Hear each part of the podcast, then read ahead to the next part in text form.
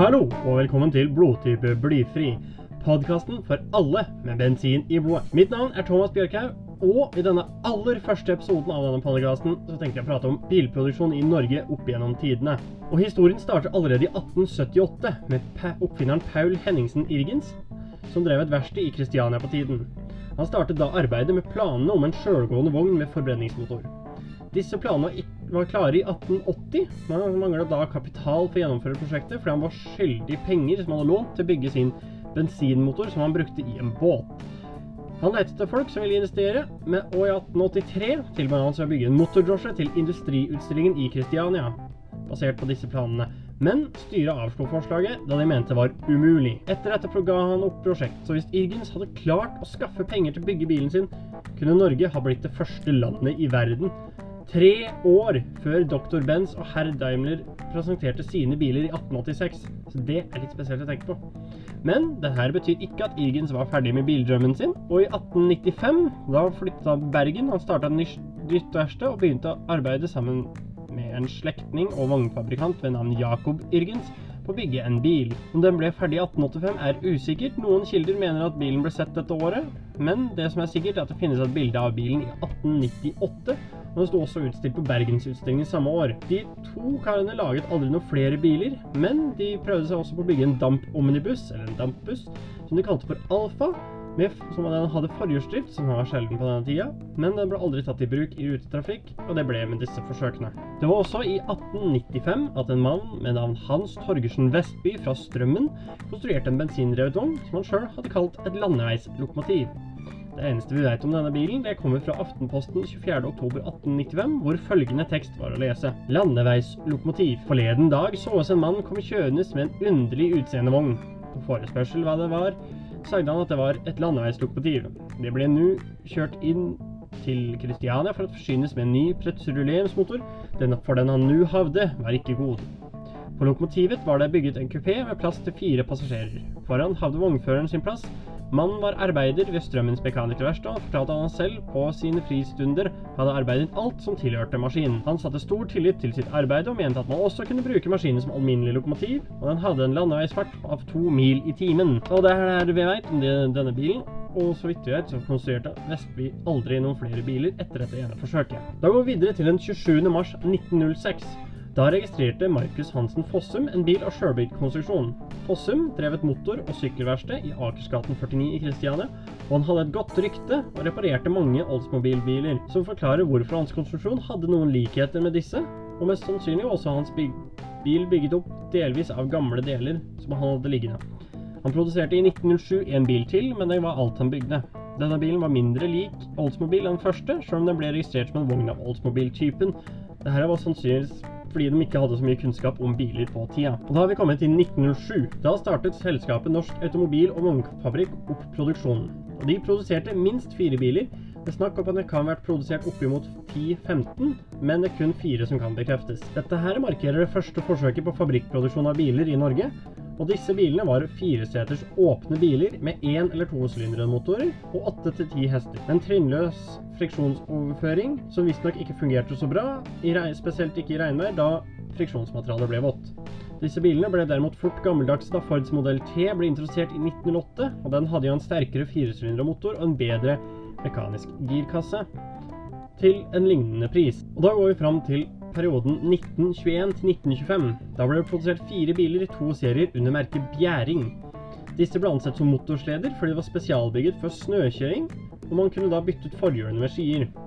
Den første serien var en prøveserie på to biler bygget i tre og hadde midtmontert luftkjølt V4-motor plassert mellom passasjersetet, som var foran, og sjåførsetet, som var bak. Disse setene var plassert sånn for at bilen skulle være så smal som mulig. Den var under en meter brei. Den andre serien ble produsert i samarbeid med Raufoss Patronfabrikk, som tiltenkt en serieproduksjon, men det ble kun bygget to prøvebiler med disse hadde aluminiumskonstruksjon og bakmontert rekkefirer, som også var luftavkjølt, Setene var også her plassert etter hverandre, med sjåføren bak, for å få mest mulig vekt på drivhjula. Denne type konstruksjon ble ikke lenger sett, ansett som nødvendig, da de begynte å måke flere veier på denne tiden. Og da har vi kommet til 1923, og da starta C. Geier og Kos Bilfabrikk AS utvikling av sin aller første bil. De hadde flere års erfaring med produksjonen av reservedeler til forskjellige biler, og produksjon av busskarosserier på Scania Vabis chassiser. Prøvebilen Geir ble presentert i slutten av 1923, og var svært lik mange amerikanske biler, da den var produsert på deler fra spesialfabrikker på sine områder. Motoren var firesylindra og hadde 34 hestekrefter. Den var kobla sammen med en tretrinns manuell girkasse.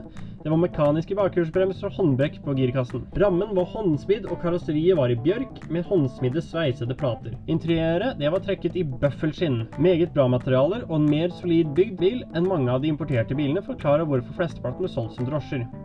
Det ble produsert fem stykker av denne første modellen, den siste i 1926, samme året som de presenterte på Norges varemesse en ny og forbedret modell. Denne hadde en sekssylindret motor fra Lycoming og hydrauliske firehjulsbremser. Denne bilen solgte heller dårlig, og i 1928 på Automobilimportørenes foreningsutstilling på Frogner stadion stilte de ut en oppgradert modell som nå gikk under navnet Norsk Geir. Nå hadde en åttesylindret motor på 65 hester, også denne fra Lycoming, og lukket karosseri, som var nytt for denne modellen. Bilutstillingen i 1929 stilte med tre modeller. To store lukkede, som hadde seks og åtte sylindere, og en mindre, åpen bil med fire sylindere. Alle motorene fra Lycoming. Eh, produksjonen stoppa i våren 1930 da Oslo kommune eksproprierte en del av tomten i St. Halvards gate til gateutvidelse, og dette gjorde at fabrikken ikke lenger hadde plass til verken bil- eller bussproduksjon. Sammen, det sammen med at produksjonen ikke var lønnsom pga. dyre materialer og dyr arbeide, førte til at de avslutta produksjonen. Det ble antageligvis produsert 25 biler på denne fabrikken før de ga seg. Og da har vi kommet til høsten 1931, for da overtok Strømmen AS verksted importen og monteringen av Dodge biler i Norge. De startet med import og montering av såkalt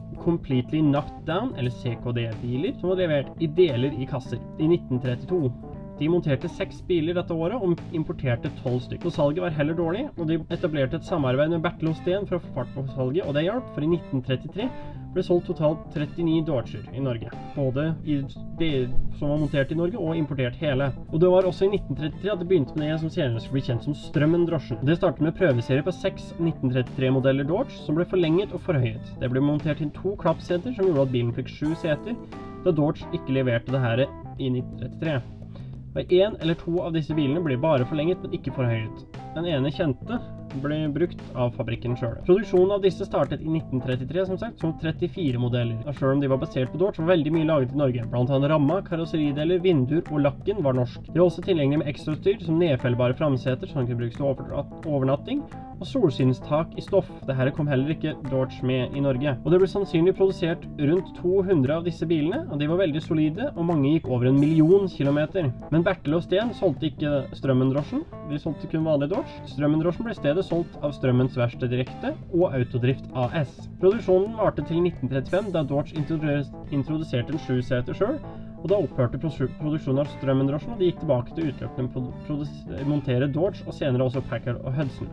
Og da har vi kommet til en av de forsøkene som de fleste kjenner igjen, nemlig Trollbilen fra Lunde i Telemark. Mannen bak Troll, Per Kål Larsen, han var halvt norsk og halvt tysk, og han arbeida for tyskerne under andre verdenskrig. Han kom til Norge 2.9.1948 som tysk statsborger, da han klarte å få seg jobb og norsk statsborgerskap, og like etter dette kom familien hans til Norge. Han begynte etter hvert å jobbe for Romo-fabrikker, og i 1954 fikk han audiens hos stortingspresident Einar Gerhardsen, hvor han presenterte sitt forslag om å lisensprodusere biler i Norge. Gerhardsen var meget interessert, og lovet finansiering hvis han kunne bygge bil. Etter dette klarte han å skaffe lokaler på Cambo, som hadde vært brukt til montering av biler flere år før. Og i januar 1955 tok han kontakt med gammel bekjent Hans Trippel, som hadde utviklet sin bil Trippel 750 i Tyskland. De ble enige om at Kohl Larsen og Romo-fabrikker skulle få produsere bilen med glassfiberkarosseri på lisens i Norge. Og i mai 1955 begynte ingeniør Erling Tolve Torleif Fjugstad å jobbe for Kohl Larsen med utviklingen av denne bilen.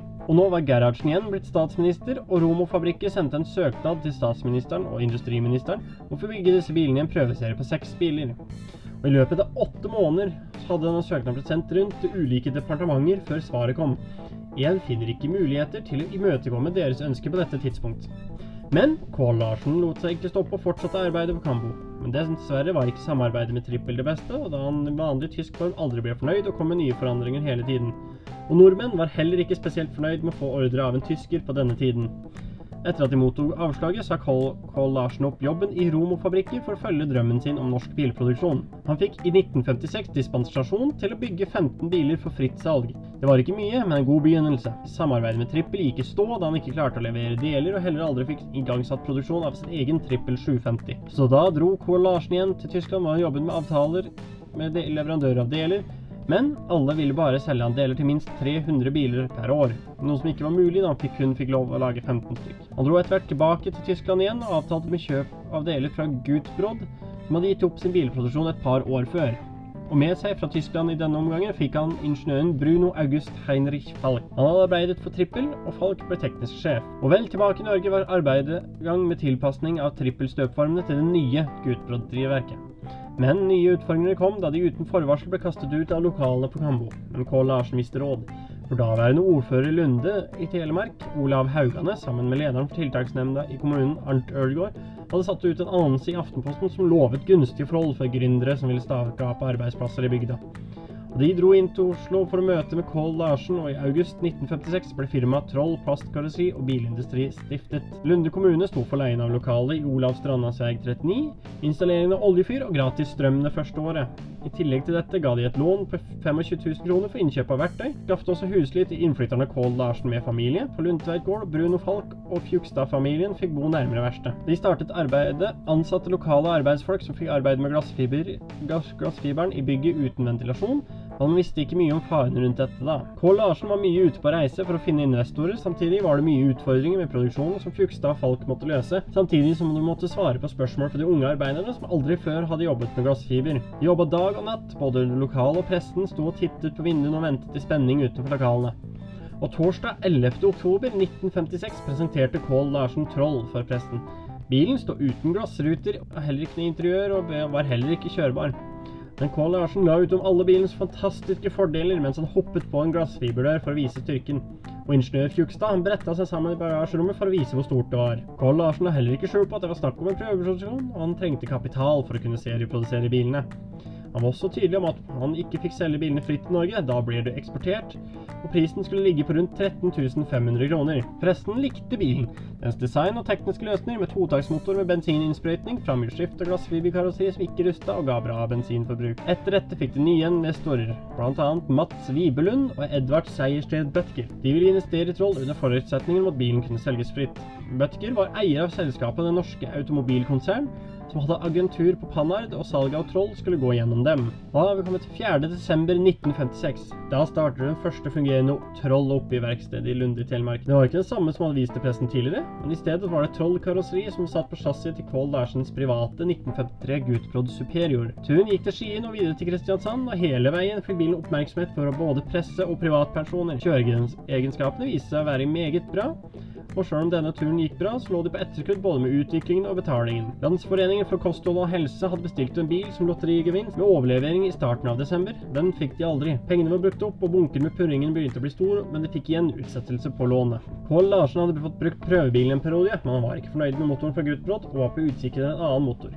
Og I 1957 gikk ferden til Trollhättan i Sverige, hvor Saab hadde en, utviklet en tresylinder av totakter på hele 38 hester. Dette var jo 8 hester mer enn Gutbrod-motoren, og Saab sendte en av sine ingeniører til Lunde i Telemark for å finne ut hva det var disse nordmennene drev og konstruerte. Ingeniøren likte det han så, og kom godt overens med karene i Telemark. Og litt etter dette besøket kom beskjeden om at de skulle få lov å kjøpe motor fra svenskene. Det var gode nyheter da Saab-motoren var sterkere og billigere enn det de hadde å bruke fra før. Sammen med det norske automobilkonsernet sendte Kål Larsen en søknad til Handelsdepartementet om fritt salg av alle bilene. De skulle produsere ikke bare de 15 første. Mens han ventet på svar, dro han til hovedstaden i sin troll for å vise de folkevalgte og folk flest hva han hadde å tilby.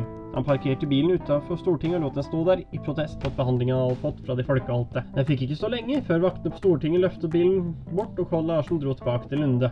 Men Troll var fortsatt uten penger, så den norske automobilkonsernet la ut for en meget enkel salgsbrosjyre. Det ble reklamert at bilen skulle ha en Saab-motor, og slagordet 'Troll, troll binder dem'. Det var stor interesse rundt bilen, men ingen investorer var villige til å spytte inn mer penger, ettersom det enda ikke fikk lov fra myndighetene å produsere mer enn 15 biler. Men Kål Larsen hadde god tro på prosjektet, og tok opp flere privatlån for å holde liv i fabrikken og lønne arbeiderne. Og samtidig lønte samarbeidet med Butker seg, da flere av hans skipsreddervenner betalte forskudd for å få henda i en trollbil, Det hjalp dessverre ikke da mange av de nødvendige delene sto på togstasjonen i Lunde og Kål Larsen ikke hadde et råd til å løse det ut. Men han fikk et lån med sikkerhet i prøvevognen Troll nummer én, og det manglet fortsatt penger da de omsider fikk godkjent å bygge 200 biler med begrenset fritt salg. Og det ble forsøkt med løsninger som krevde forhåndsbetaling på 4000 kroner. Vi fikk noen bestillinger, men ikke før i april fikk de inn en stor delbetaling som gjorde det mulig å ferdigstille bil nummer to. Denne første kundebilen sto klar 30. april 1957. Kjøperen var Det Norske Studentersamfunn, og bilen skulle være lotterigevinst. Røde Kors hadde en bestilling på bil nummer tre, som skulle leveres to uker etterpå. Denne også som lotterigevinst, men denne sto ikke klar. Da dro Pål Larsen inn til kontoret i Oslo og ba om 5000 kroner i ekstra betaling for å kunne ferdigstille bilen. Bilen ble fortsatt ikke ferdig i tide til lotteriet, men Røde Kors fikk pengene tilbake, og bilen gikk antagelig til Fabrikkens Bank som avbetaling av skyldige penger. Norsk Folkehjelp hadde også bestilt et bil til sitt lotteri, men de mottok ikke noen troll. Regningen hopa seg opp, inkassokravene kom inn. Selskapet også skyldig flere tusen i skatt, og i mai 1957 tok Lunde kommune pant i prøvevognkollasjen, dro til Tyskland og jobbet med en avtale med Borgards datterselskap Lloyd for å utvikle en større familiebil, selv om det gikk dårlig. Med disse nye planene ble lokalene i Lunde for små, og økonomien var dårligere enn noensinne. Da fikk Kål Larsen ideen om å flytte produksjonen til Saltdal, og NSB hadde tomme lokaler etter krigen. Han søkte om støtte fra Utbyggingsfondet for Nord-Norge, men Industridepartementet hadde ikke tro på prosjektet, mente at denne nye modellen med bare 19 hestekrefter var undermotorisert og glassfiberkarosseriet det var for dyrt å bygge. Bilen som Studentersamfunnet hadde loddet ut, ble aldri hentet av vinneren. De ble da levert tilbake til fabrikken og fikk pengene sine tilbake. Sannsynligvis tok banken også denne bilen og solgte den. Den 3. desember 1957 sendte Kål Larsen ut et brev til kreditorer og kunder og beklaget for han ikke hadde klart å levere bilene som lovet. Dette markerte slutten for firmaet. Like etter ble strømmen kuttet på Lundetveit gård, og Pål Larsen med familien pakket sin trollbil og dro til Farsund, hvor han hadde fått jobb ved fiberplastfabrikk. Fabrikken ble lagt ned, fortsatt skyldig et par hundre tusen. Lensmannen kom etter hvert og hentet Pål Larsen privat bil, og han ble solgt på tvangsauksjon i samme periode som prøvebilen ble solgt. Vi veit sikkert at det ble laga fire biler ved fabrikken i Lunde. Prøvebilen og tre produksjonsbiler. Selv om det er rykter om en femte bil, kan ikke dette bekreftes noe sted. Kanskje finnes det en femte serieprodusert bil der ute. Og da går vi videre til Horten i 1961. Der vi har et annet forsøk på bilproduksjon. Denne skulle gå under navnet Nobel Viking. Det her var startet av en mann med navn Børre Høver, som lufta tanken for bilproduksjon og for tiltaksrådet i Horten kommune. De var interessert, og Høver hadde en kontakt i Storbritannia. Han hadde navn York Nobel. Han produserte en bil basert på tyske Fulldabian Mobil med saksmotor. Det ble enige om at Høver kunne produsere biler i Norge på lisens med en 300 kubikks Fichtel og en seks totaktsmotor med mye norskproduserte deler.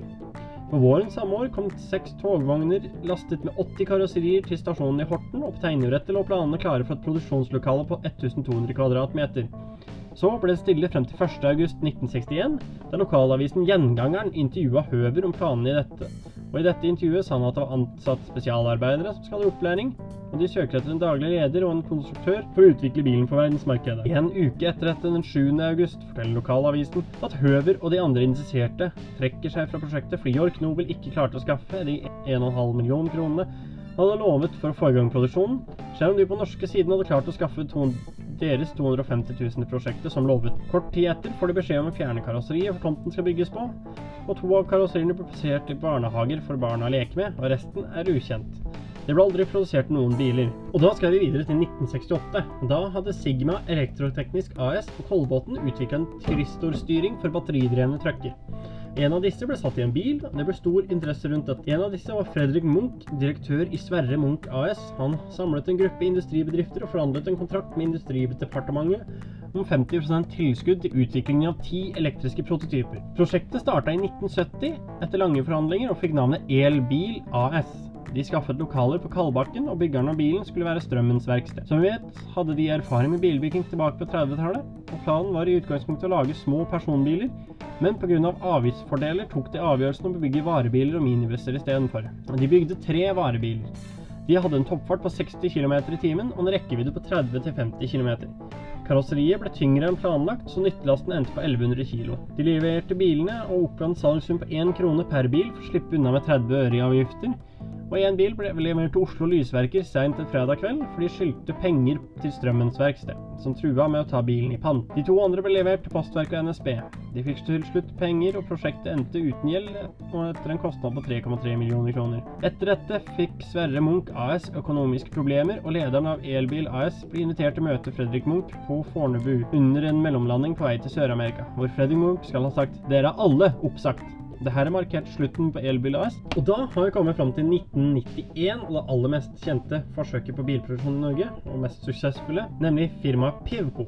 Som kjent skifta senere navn til Think. Det hele starta med at Jan Otto Ringdal begynte å tenke på farens gamle skisser av en elbil, da miljøet var i fokus i media denne perioden. Han satte sammen et team av folk og arbeidet hardt i den lille fabrikken i Aurskog for å ha biler klare til åpningen av vinter-OL på Lillehammer i 1994.